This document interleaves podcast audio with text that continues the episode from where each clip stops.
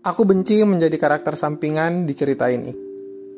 Sementara temanku yang dianggap sebagai pemeran utama selalu saja mendapat pujian.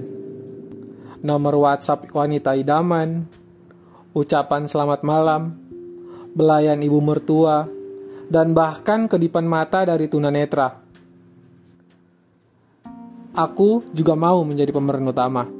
Hidup sebagai pemeran sampingan tidak ada enak-enaknya. Mati heroik melindungi bumi sekalipun, tidak ada yang peduli. Semua cara akan kulakukan demi menjadi pemeran utama. Jadi, aku mulai menyusun rencana untuk menyingkirkan sang pemeran utama dengan cara membunuh cinta pertamanya. Ya, aku mengetahui bahwa sang pemeran utama kita ini mempunyai kelemahan yang amat vital. Karena ia sudah berani-beraninya mencintai seseorang.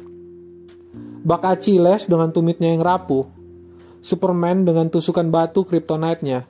Pemeran utama kita ini juga memiliki kelemahan, yaitu kasih sayang pada ibu kandungnya sendiri. Tidak menunggu lama, aku pun beraksi. Tak butuh waktu lama untuk aku mengetuk pintu rumahnya, memastikan kalau ia sedang tidak ada, mengayunkan pedangku, dan memenggal kepala ibunya.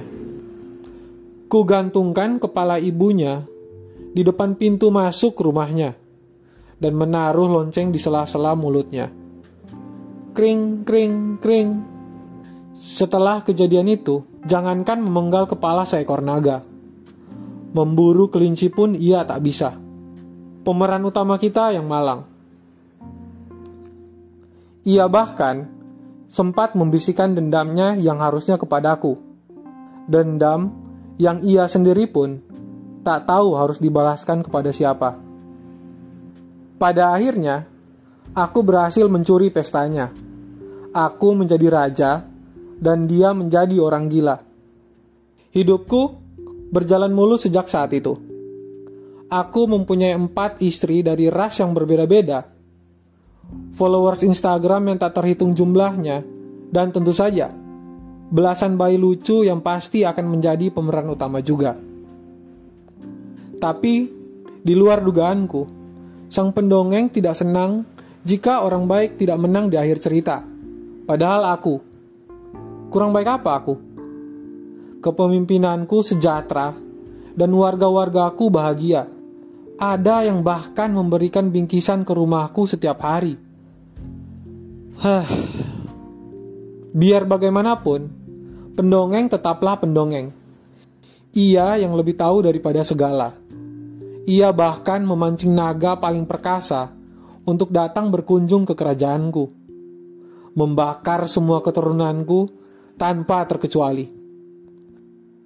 Kehendak surga telah jatuh, dan neraka pun ikut tertawa. Aku kembali mengingatkan, biarpun begitu, mentalku tidak seperti dulu. Mental pemeran sampingan.